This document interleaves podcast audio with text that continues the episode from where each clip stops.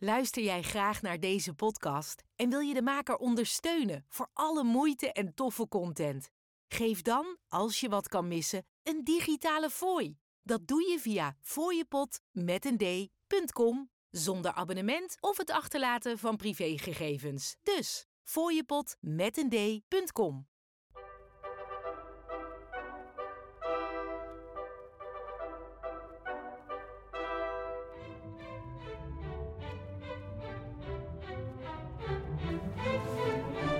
Hallo allemaal.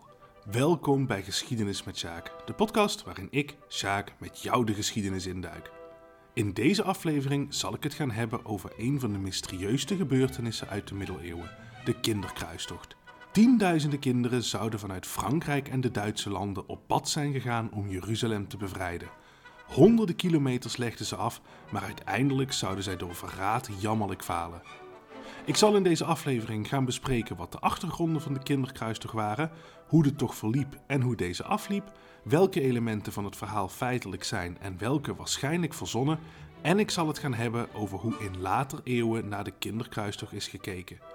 Maar voordat we zover zijn, laten we bij het begin beginnen, in het jaar 1973 in Nederland. Goed, nou waarom 1973? Nou, omdat in dat jaar het boek Kruistocht in Spijkerbroek van Thea Beckman voor het eerst werd uitgegeven. Wat mij betreft een absolute klassieker in de jeugdliteratuur. Ik vond het als kind echt een fantastisch verhaal, net als trouwens de meeste andere boeken van Thea Beckman. Maar naast dat het een heel spannend verhaal is, is dit boek en de latere verfilming ervan waarschijnlijk de belangrijkste reden dat de meeste mensen in, in elk geval het Nederlandse taalgebied, de kinderkruistocht überhaupt kennen. Nou, het standaardverhaal van de kinderkruistocht dat gaat ongeveer als volgt. Een jongen begint te preken, meestal in Frankrijk of het Heilige Roomse Rijk, dat is ruwweg het huidige Duitsland. En die jongen die claimt daarbij van Jezus de opdracht te hebben gekregen om Jeruzalem te bevrijden. Nou, dat moet op vreedzame wijze gaan gebeuren en duizenden kinderen die raken geïnspireerd en sluiten zich bij de profeet aan op weg naar het zuiden.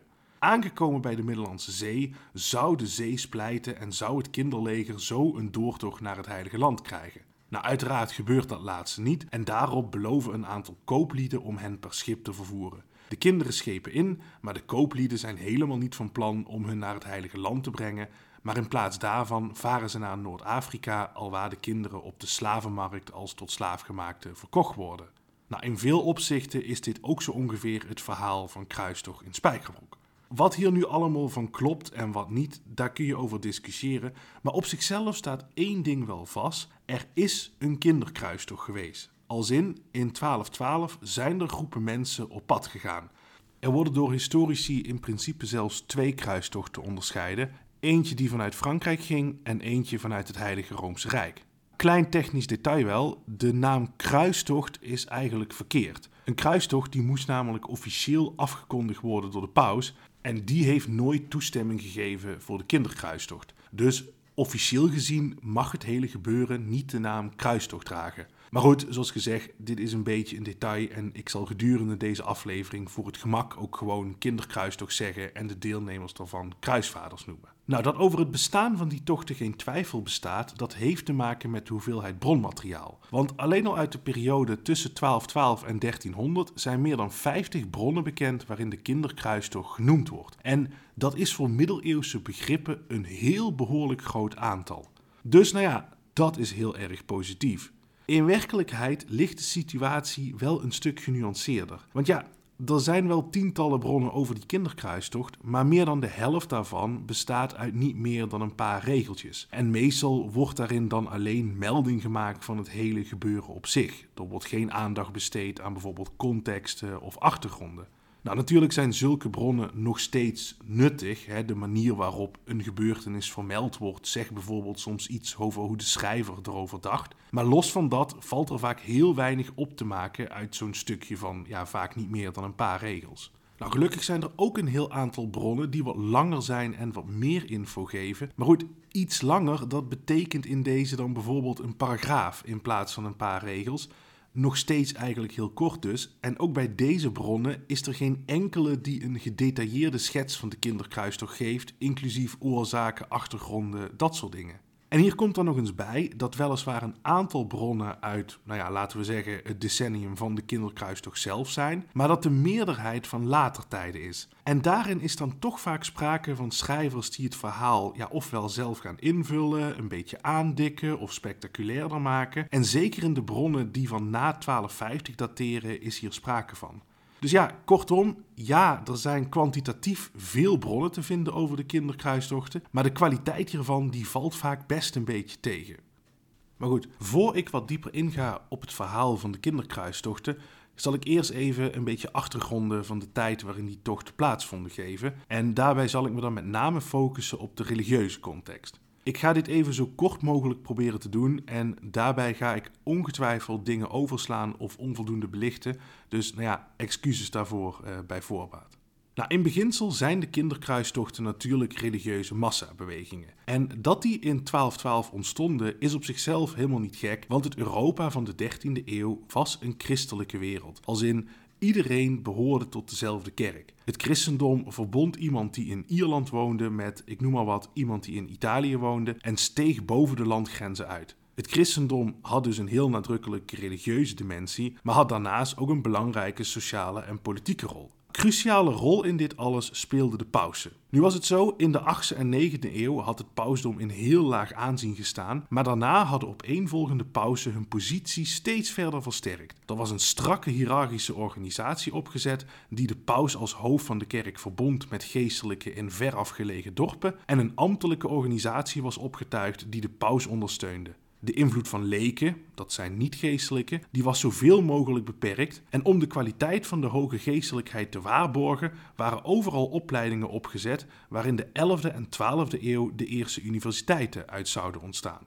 Daarnaast hadden die pausen zich op politiek gebied vanaf de 10e eeuw verbonden met de heilige Roomse keizers. Want de keizers van het heilige Roomse Rijk die werden vanaf die tijd gekroond door de pausen. En dat was voor beide een win-win situatie. Zo'n kroning door Gods hoogste vertegenwoordiger op aarde gaf de keizers een aura van goddelijke voorkeur. Dus zeg maar dat zij waren voorbestemd en door God uitverkoren waren om te regeren. En voor de pausen betekende de steun van de Heilige Roomse keizers bescherming tegen aanvallen van buitenaf. Nou, dit alles werd officieel vastgelegd in de zogenaamde Twee Zwaardenleer, waarin stond dat zowel de vorst als de paus door God benoemd waren. Gelijkwaardig waren ze daarmee overigens niet, want God, en dienstvertegenwoordiger op aarde, stond uiteraard altijd boven een vorst.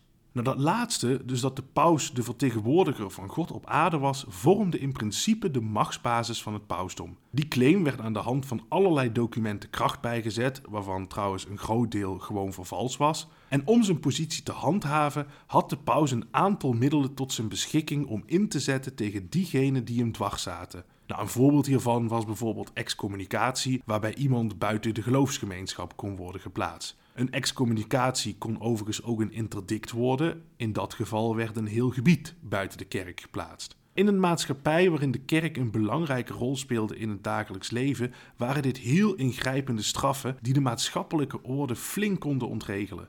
Het kerkelijk gezag kon overigens ook ontheffing van de regels verlenen, bijvoorbeeld om huwelijken te ontbinden. Nou, zulke verzoeken die kwamen regelmatig voor, met name bij echtverbindingen tussen vorstenhuizen. En het was dus belangrijk om de paus te vriend te houden. En daarnaast had de kerk natuurlijk ook heel veel invloed op het hiernamaals. In de aflevering over de wederdopers van Münster bijvoorbeeld ben ik uitgebreid ingegaan op het principe van aflaten. Nou, wat ik met dit alles wil zeggen, de pausen die hadden in de loop van de tijd een instituut gecreëerd dat, zo leek het althans, onmisbaar was in het dagelijks leven.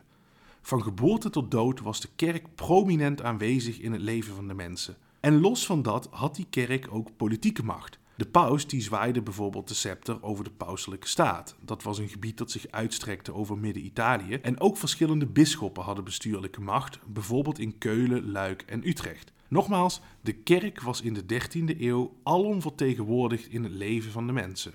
Tegelijkertijd was er echter ook veel kritiek op die kerk. Want doordat er zo'n hiërarchisch en afgesloten systeem was ontstaan, kwam de geloofswereld van de gewone mensen ook steeds verder af te staan van die van de geestelijk leiders. In de 16e eeuw zou de christelijke kerk, zoals bekend, uiteenvallen in een protestants en katholiek deel, maar veel van de kritiekpunten van toen die waren ook in de 13e eeuw al aanwezig. Zo was er bijvoorbeeld veel te doen om de rijkdom van de kerk en in hoeverre die te rijmen viel met de idealen van Jezus. Zeker ook omdat de kerk die rijkdom onder andere te danken had aan zaken als aflaten, het verkopen van posities binnen de kerk of het eisen van extra betalingen voor het doen van religieuze handelingen. Nou, voorbeeldje van dat laatste. Het was in die tijd ondenkbaar om niet gedoopt te worden, want dan stond je volledig buiten de kerk en dus ook buiten de maatschappij, nog even los van het feit dat je onherroepelijk naar de hel ging als je ongedoopt stierf. Nou, dit wisten corrupte priesters natuurlijk ook en dus konden die een heleboel extra geld vragen aan de mensen wanneer er iemand gedoopt moest worden. Nou, de leiding in Rome die was overigens met dit soort zaken meestal absoluut niet blij. Maar ja, echt veel konden ze er ook niet aan doen. En nou ja, laten we eerlijk zijn, de kerk werkte dit gedrag zelf ook wel een beetje in de hand. Hè? Denk maar bijvoorbeeld aan de uitgifte van aflaten. Nou, hetzelfde gold bijvoorbeeld voor geestelijken die zich niet aan het celibaat hielden, dus die zich niet hielden aan het verbod om te trouwen en seks te hebben. Ook dat werd streng veroordeeld door de kerkelijke leiders in Rome, maar ja, die maakten zich hier zelf ook op grote schaal schuldig aan over het algemeen. Nou, als gevolg van deze kritieken waren er in de 12e eeuw allerlei hervormingsbewegingen ontstaan. De Waldenzen en de Kataren bijvoorbeeld, die hadden kritiek op de rijkdom en de hiërarchie van de kerk, die volgens hen op geen enkele wijze te rijmen was met wat in de Bijbel stond.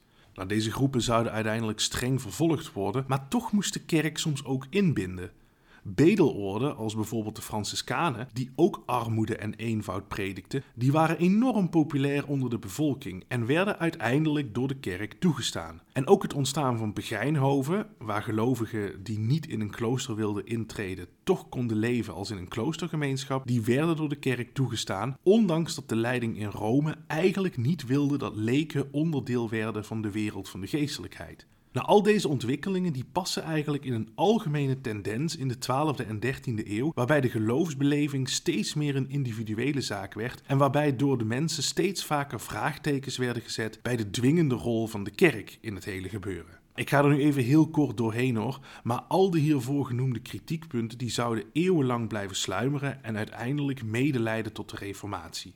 Maar goed, die reformatie was in de 13e eeuw nog heel erg ver weg, want in die tijd was het pausdom op het absolute toppunt van zijn macht. En dan met name tijdens het pontificaat van Innocentius III.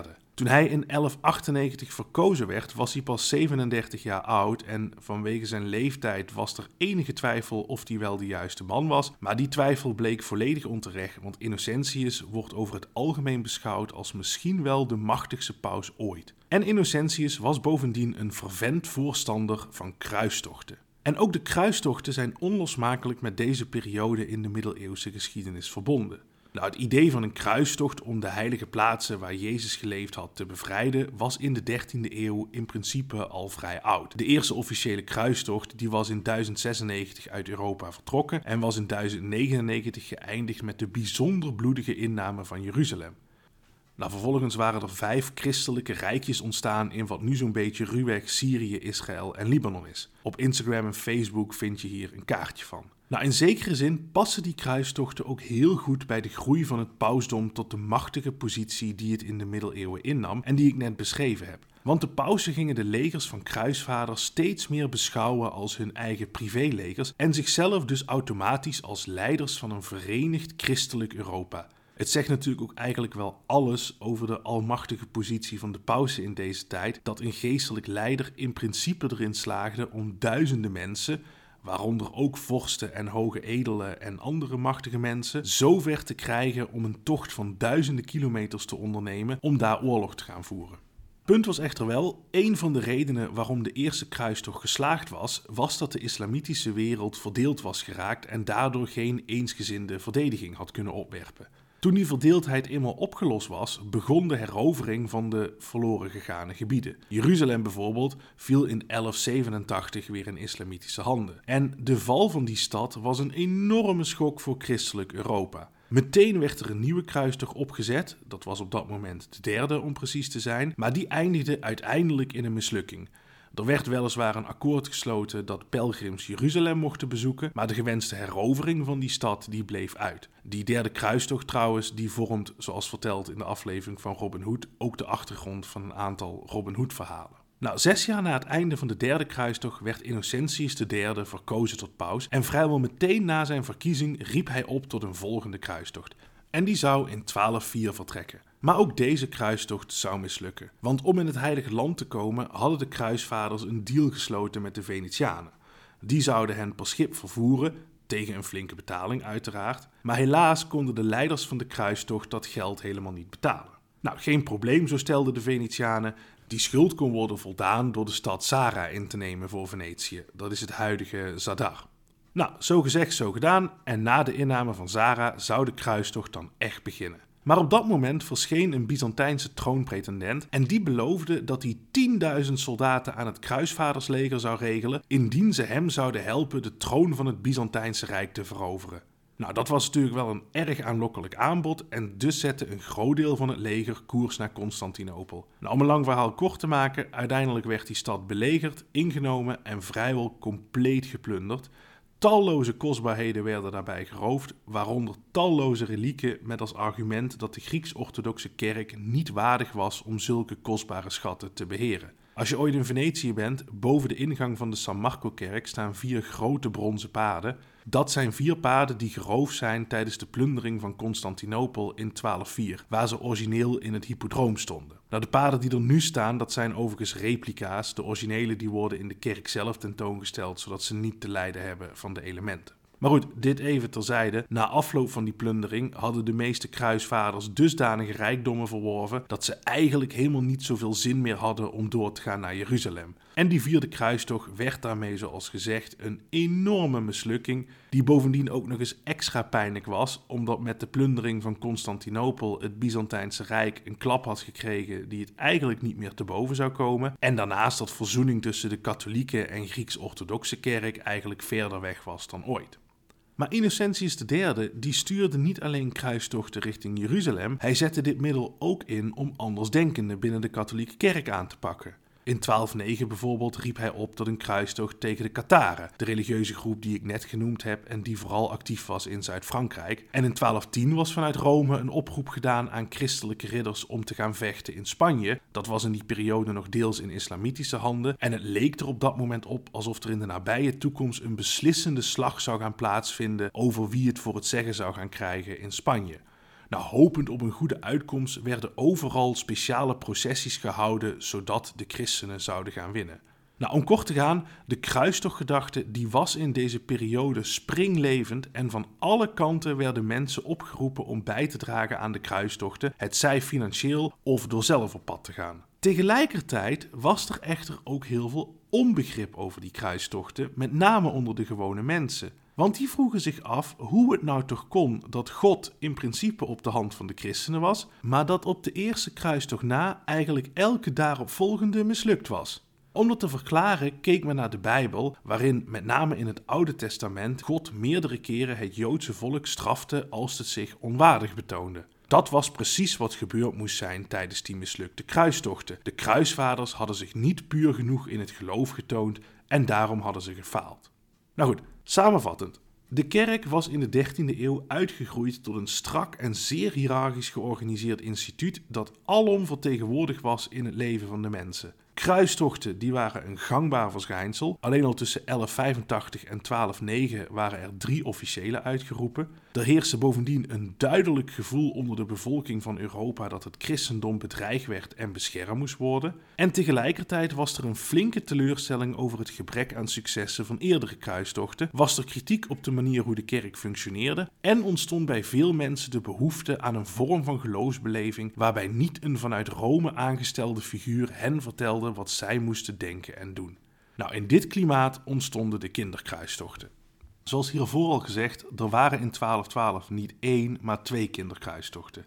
Eentje vanuit Frankrijk en eentje vanuit het Heilige Roomse Rijk. In hoeverre beide tochten met elkaar verbonden zijn, of dat er zelfs misschien wel sprake was van één kruistocht, dat is lastig na te gaan, omdat er simpelweg te weinig informatie is om hier echt uitspraken over te doen. Maar het lijkt natuurlijk onwaarschijnlijk dat er niet op zijn minst sprake was van wederzijdse beïnvloeding, omdat het anders natuurlijk wel heel toevallig is dat twee min of meer vergelijkbare bewegingen rond dezelfde tijd op verschillende plekken ontstonden. Welke kruistocht als eerste begon is niet met 100% zekerheid te zeggen en hetzelfde geldt voor de vraag wat nu de precieze aanleiding is geweest. Wel is het zo dat in beide gevallen in beginsel sprake was van een jonge jongen die claimde van God een boodschap te hebben gekregen. In Frankrijk betrof dit een zekere Stefan van Cloix, een herdersjongen afkomstig uit Cloix, dat was een plaatsje vlakbij Chartres. Hij beweerde in het voorjaar van 1212 dat hij een pelgrim was tegengekomen die hem een brief had gegeven die bestemd was voor de Franse koning Philips II. En die pelgrim was niemand minder geweest dan Jezus zelf. En Stefan die wilde de brief natuurlijk meteen bezorgen en ging op pad. Vele duizenden mensen sloten zich bij hem aan. In één bron wordt een aantal van 30.000 genoemd en in een andere 15.000. Of hier iets van klopt, dat weten we natuurlijk niet. In elk geval ging Stefan op weg naar Saint-Denis. Nou, tegenwoordig is dat een voorstad van Parijs. In de middeleeuwen was het een stad ten noorden van Parijs met een belangrijke abdij en kerk waar sinds de 6e eeuw alle Franse koningen begraven waren. Die kerk die was in de 12e eeuw verbouwd in een geheel nieuwe bouwstijl en kan beschouwd worden als de eerste gotische kerk van Europa. Talloze pelgrims kwamen er elk jaar heen om die kerk te bezichtigen, maar ook de talloze reliquieën die zich daar bevonden. Een van de topstukken in de reliquieëncollectie trouwens, dat was een haar van baby Jezus. Dat reliquie had de kerk verkregen na de kruistocht van 1204, want het was meegenomen uit Constantinopel. Nou, Stefan die kwam aan in Saint-Denis toen net de jaarmarkt aan de gang was, dus het was sowieso al heel erg druk. Het enige waar het nu nog wachten op was, dat was op koning Philips, zodat die zijn brief kon ontvangen. Wat er overigens precies in die brief stond, is onbekend. En de Franse koning die hoefde dat blijkbaar ook niet te weten. Zelfs niet nadat Stefan in Saint-Denis een aantal wonderen had verricht. Koning Philips was niet onder de indruk en weigerde om Stefan te ontvangen, mede op advies overigens van de theologen van de Universiteit van Parijs. Sterker nog, koning Philips riep de aanhangers van Stefan op om vooral rustig terug naar huis te gaan. En de meesten die gaven gehoor aan die oproep, waarmee de lucht eigenlijk grotendeels uit de hele beweging ging. En vanaf dit punt wordt het verhaal allemaal een beetje vaag. Wat namelijk is, veel informatie over deze Stefan van Croix komt uit een bron die rond de tijd waarin de gebeurtenissen plaatsvonden geschreven is. Dat is namelijk een chroniek uit de stad Law. Dat wil niet zeggen dat de schrijver hiervan een ooggetuige was. Law ligt namelijk op bijna 300 kilometer van Cloix. Maar de schrijver van die kroniek was wel een tijdgenoot. En het is dus aannemelijk dat het verhaal van de pelgrim die Jezus was en die een brief zou hebben gegeven aan Stefan, die bestemd was voor de Franse koning, destijds ook het verhaal was wat rondging in het land. Maar meest interessant is toch wel dat in deze kroniek en ook in een aantal andere bronnen die echt tijdens of vlak na de kinderkruistocht in Frankrijk zijn geschreven, nergens wordt gezegd dat Stefan als doel had om naar het Heilige Land te gaan om dat te bevrijden. Het draait in het hele verhaal eigenlijk alleen maar om het bezorgen van een brief voor de koning. En ook wat betreft die hele brief, we weten helemaal niet wat er in die brief stond. En er wordt ook nergens gesuggereerd dat die brief ook maar iets te maken zou hebben met kruistochten of zo. Het is eigenlijk pas in latere versies van het verhaal dat ervan gemaakt is dat in elk geval een deel van de groep van Stefan naar het Heilige Land wilde gaan. Nou, dat zouden ze dan niet bereiken, want in Marseille werden ze door twee kooplieden misleid. Die zeiden hen per schip te kunnen brengen, maar verkochten de kinderen vervolgens op de slavenmarkt. In sommige van die latere bronnen wordt overigens Stefan helemaal niet eens genoemd. En in weer een andere bron is hij opeens een soort duivel in mensengedaante die de kinderen misleid had en die na het mislukken van de kruistocht uit beeld zou verdwijnen om vervolgens tientallen jaren later terug te keren als leider van een andere onofficiële kruistocht, de zogenaamde kruistocht van de herders die in 1251 plaatsvond, en zo opnieuw duizenden goedgelovige mensen te misleiden. Nou, dit laatste is natuurlijk allemaal wel heel erg absurd, maar het is wel tekenend voor hoe verwarrend dit soort verhalen eigenlijk zijn. Want eigenlijk kun je op basis van de vroegste bronnen maar heel weinig met zekerheid over die hele Franse kinderkruistocht zeggen. De gebeurtenissen na Saint-Denis, die lijken in elk geval een verzinsel van later te zijn. En ja, daarmee kun je je dus eigenlijk ook terecht wel afvragen in hoeverre we hier nou eigenlijk überhaupt kunnen spreken over een kruistocht.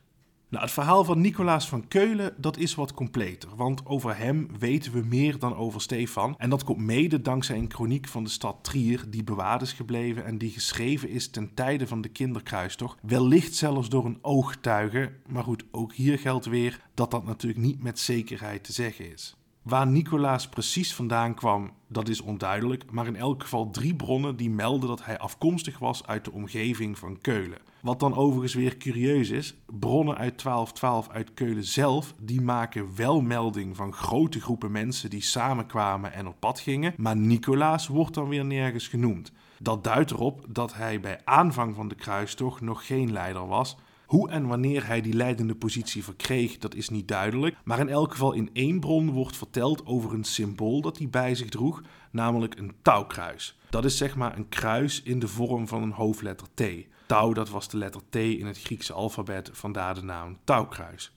Nou, het touwkruis dat had een heel sterke symbolische betekenis binnen het christendom. Dat kwam natuurlijk ten eerste vanwege de associatie met het kruis waaraan Jezus gestorven was, maar het kwam op meerdere plekken in de Bijbel terug als symbool. Bijvoorbeeld in het boek Ezekiel als God de inwoners van Jeruzalem wil straffen, behalve diegenen die goede Israëlieten waren en die te herkennen zouden zijn aan het touwsymbool op hun voorhoofd. Het was dus ook een symbool van redding en van Gods genade. Nou, volgens de kroniek van Trier droeg Nicolaas zo'n touwkruis bij zich aan een stok. En dat was volgens de schrijver van de kroniek een heel duidelijk teken van zijn leiderschap en zijn heiligheid.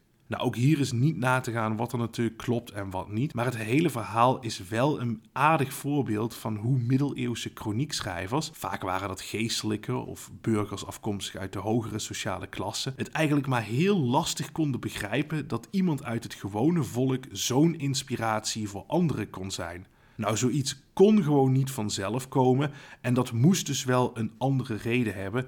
Bijvoorbeeld dus de stok met het touwkruis of in het geval van Stefan van Croix de brief van Jezus. Maar goed, wat wel duidelijk is, is dat Nicolaas daadwerkelijk als doel had om het Heilige Land te bevrijden, want meerdere vroege bronnen die maken daar melding van. En dat bleek ook uit de route die ze aflegden, want er werd koers gezet naar Italië met het idee om van daaruit naar het Heilige Land te gaan. In principe moest dat per schip gebeuren, al was volgens één chroniek van Italiaanse origine de bedoeling dat Nicolaas de zee zou splijten, zoals Mozes dat ook ooit gedaan had.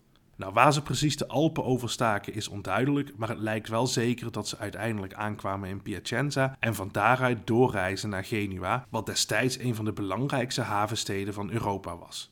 En inderdaad wordt in de kroniek van die stad in 1212 melding gemaakt van de komst van ongeveer 7000 mannen, vrouwen en kinderen onder leiding van een jongen genaamd Nicolaas. Nou, 7000 klinkt misschien een beetje als een wat teleurstellend aantal, zeker vergeleken met de 30.000 die in Frankrijk genoemd werden. Maar aangezien de schrijver van die kroniek de hoorde kruisvaders zelf gezien heeft, is het aannemelijk dat hij de waarheid sprak. Het zou bovendien ook goed kunnen dat er wellicht vele honderden of misschien wel duizenden de tocht over de Alpen niet overleefd hadden. Misschien was ook een deel gewoon weer huiswaarts gekeerd na verloop van tijd. Of misschien waren er nog andere groepen die via een andere route reizen. Nou ja, wederom geldt hier, we weten het gewoon niet. De meeste bronnen overigens, die noemen überhaupt helemaal geen aantallen. Tot hier is de kruistocht vanuit het Heilige Roomse Rijk goed te volgen, maar vanaf dit moment wordt het lastiger. Het splijten van de zee, als dat überhaupt al de bedoeling was, dat mislukte uiteraard en velen die verloren daarop de moed. Sommigen gingen terug naar het noorden,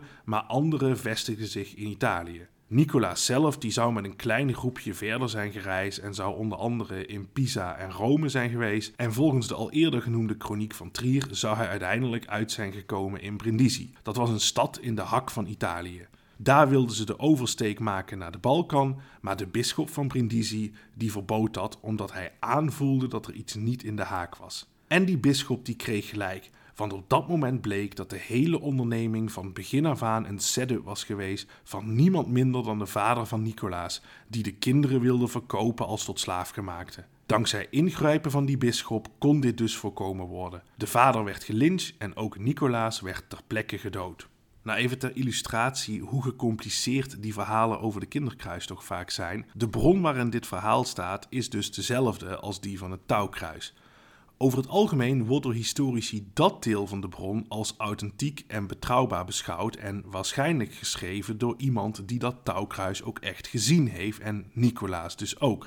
Het deel over de vader van Nicolaas, dat lijkt daarentegen weer compleet verzonnen te zijn en vooral bedoeld te zijn om een soort einde aan het verhaal te breien. In een andere bron overigens wordt een deel van de kinderen wel degelijk ingescheept en als slaaf verkocht en in weer een andere bron stierf Nicolaas helemaal niet in Brindisi, maar accepteerde hij dat zijn kruistocht mislukt was. Dat weerhield hem er overigens niet van om enkele jaren later deel te nemen aan de vijfde kruistocht en daarin zou hij zich een uitstekende vechter betonen en zich onderscheiden in de strijd. Nou ja, ook hier geldt eigenlijk weer dat er eigenlijk heel weinig met zekerheid te zeggen is over de hele onderneming.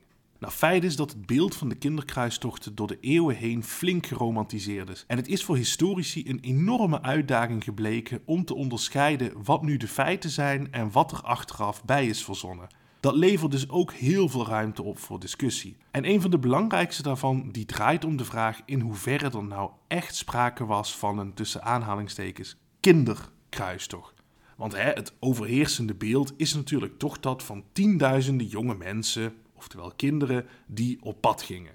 Enkele decennia geleden kwam de Nederlandse historicus Peter Raads tot de conclusie dat hier geen sprake van was en dat er simpelweg sprake was van een verkeerde interpretatie die draaide om het Latijnse woord puer of het meervoud pueri. In veel vroege bronnen over de kinderkruistocht wordt gesproken over die pueri. En pueri kan vertaald worden met kinderen. En schrijvers van latere bronnen die hebben dit dan ook zo uitgelegd. Maar, zo concludeerde Raads, Puer of pueri kon ook duiden op een sociale klasse, namelijk de groep van de bezitslozen. En dat waren de duizenden mensen die een armoedig bestaan leidden en die rond moesten zien te komen als bijvoorbeeld dagloner op het platteland. En dat waren volgens Raads degenen die in 1212 op pad gingen. Nou, de meeste historici die zijn het inmiddels eens met Raads conclusies, ook omdat de meeste bronnen die geschreven zijn ten tijde van de kinderkruistochten zelf dit beeld eigenlijk lijken te bevestigen. Meerdere bronnen die spreken van een gemeleerd gezelschap van mannen, vrouwen, kinderen, volwassenen, noem maar op. Een voorbeeldje daarvan bijvoorbeeld is de Chroniek van Genua die ik net aanhaalde. Het is natuurlijk daarnaast überhaupt ook niet echt reëel dat er echt sprake zou zijn geweest van een beweging die alleen maar bestond uit jonge kinderen. Maar goed, het een sluit het ander natuurlijk ook niet per se uit. Het is op zichzelf heel goed mogelijk dat veel kinderen meededen aan die kruistocht. En dat zullen zeker meer kinderen hebben meegelopen dan tijdens een reguliere kruistocht. En in dat opzicht kun je misschien wel degelijk in zekere zin van een kinderkruistocht spreken. Desalniettemin, het idee dat kinderen de kern van de kruistocht vormden, is dus waarschijnlijk van later tijden. In een bron uit 1254 bijvoorbeeld wordt al gesproken over kleine kinderen. Dat is dus alweer iets anders dan de term van gewoon kinderen. Nou, dit alles kan dus zoals gezegd een taalkundige oorzaak hebben, maar het zou ook een beetje bewuste manipulatie kunnen zijn geweest. Want naarmate de jaren en eeuwen verstreken, werden de deelnemers van die kruistocht in sommige bronnen steeds vaker neergezet als kinderen die puur van hart, geest en geloof waren en die met de beste intenties van liefde en vreedzaamheid hun religieuze plicht wilden volbrengen. En de bedoeling was dan dat dat in schril contrast moest staan met de volwassenen van die tijd, die juist constant faalden. Nou, het idee van de onschuldige en pure kinderen past ook bij de Bijbel, hè, waarin Jezus zegt dat het koninkrijk der hemelen aan de kinderen toebehoort. Een uitspraak die ook wel geïnterpreteerd is dat kinderen puur in hun geloof zijn en nog niet verdorven en vol zonde, zoals veel volwassenen. Ook heel tekenend in dit kader is dat in sommige bronnen uitdrukkelijk vermeld wordt dat Nicolaas en Stefan 12 jaar oud waren. Jezus, die was ook 12 toen hij volgens het evangelie van Lucas de tempel in Jeruzalem bezocht en aldaar met de schriftgeleerden in gesprek ging. Nou, het verhaal dat kreeg hiermee natuurlijk een aura van puurheid. Punt was natuurlijk wel, op dat moment moest er natuurlijk wel ook een verklaring komen voor het uiteindelijke falen van de tocht. Nou, en in de meeste versies van het verhaal waren het de volwassenen die de kinderen bedrogen en verkochten aan slavenhandelaren. En ook dat past natuurlijk heel mooi in de tegenstelling van goede, pure kinderen tegenover slechte volwassenen. Helemaal spectaculair trouwens is een bron van halverwege de 13e eeuw waarin gesteld wordt dat de kinderen niet als tot slaafgemaakte werden verkocht, maar uitgeleverd werden aan de assassijnen. een van oorsprong islamitische secte die zich gespecialiseerd had in het plegen van moorden. Onder de hoede van de assassijnen zouden de kinderen gebrainwashed worden en getraind tot moordenaar, zodat ze konden worden ingezet voor missies in Europa. Uiteraard is dit allemaal volkomen verzonnen, al bestonden de assassijnen wel echt. Tegenwoordig zijn ze vooral bekend uit de gameserie Assassin's Creed.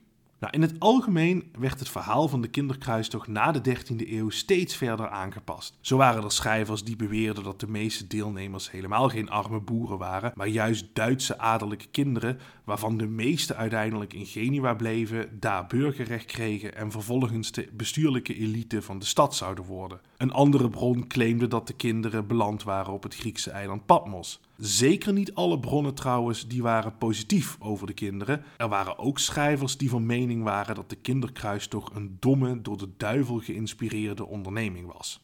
Zoals wel vaker zijn de oordelen die in de verschillende eeuwen gegeven werden vaak een reflectie van het denken in die tijd. De verlichte denker Voltaire bijvoorbeeld, die zag de kinderkruistocht als belachelijke religieuze massahysterie en noemde het een ziekte. Curieus genoeg overigens is dat gedeelte letterlijk overgenomen in Diderot's encyclopedie uit de 18e eeuw. En daarin stond dan ook in eerste instantie dus dat die jonge kruisvaders om waren gekomen door een besmettelijke ziekte. In de 19e eeuw kwamen de middeleeuwen in het algemeen meer in de belangstelling te staan en de kinderkruistocht dus ook. Dat uitte zich destijds in de eerste serieuze historische onderzoeken, maar veel meer werd de kinderkruistocht onderwerp van fictieboeken. En zeker ook in de vorm van speciale kinderboeken, waarvan de ondertoon vaak behoorlijk belerend was. Want ja, kinderkruisvaders gingen zonder toestemming van ouders en paus op pad en die werden dus voor die ongehoorzaamheid uiteindelijk ook gestraft. Een boek dat in de jaren 60 van de 20e eeuw verscheen, omschreef de kinderkruistocht als een daad van rebellie van de jeugd tegenover de ouders. Een soort generatiekloof dingetje, zeg maar. Precies zoals dat ook op veel plekken in de jaren 60 het geval was. Nou, de kinderkruistocht is in veel opzicht in de eeuwen na 1212 door mythevorming min of meer een eigen leven gaan leiden. Het was overigens zeker niet de eerste en ook niet de laatste religieuze massagebeurtenis uit de middeleeuwen. En ook de kruistochten zelf waren nog lang niet voorbij. Innocentius III zou tijdens zijn pontificaat bijvoorbeeld nog een keer een kruistocht uitroepen. Dat zou uiteindelijk leiden tot de vijfde kruistocht, die wederom een mislukking werd.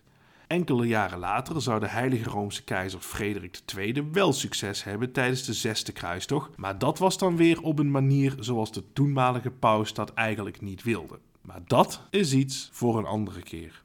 Nou, ik hoop dat je in deze aflevering een goed beeld hebt gekregen van de christelijke wereld van begin 13e eeuw en de achtergronden van en het verlopen van de kinderkruistochten en hoe lastig het is om te bepalen wat daarin nu echt feitelijk is en wat een later verzinsel is. Als je meer over dit onderwerp wilt weten, dan kun je het boek The Children's Crusade lezen van Gary Dixon. Voor een meer algemene geschiedenis van het christendom en de pausen kun je heel veel boeken gebruiken. Ik heb zelf veel gehad aan het boek De Pausen van John Julian Norwich.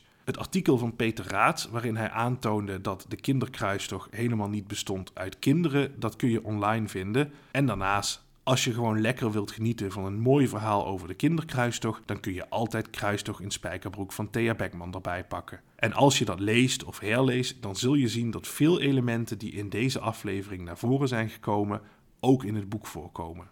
Nou, los van dit alles vind je op de Facebook- en Instagram-pagina van deze podcast wat plaatjes ter ondersteuning van hetgeen ik in deze aflevering verteld heb. Een link naar beide pagina's vind je in de show notes. En daarnaast vind je Geschiedenis met Sjaak een leuke podcast? Geef me dan een 5-sterren rating.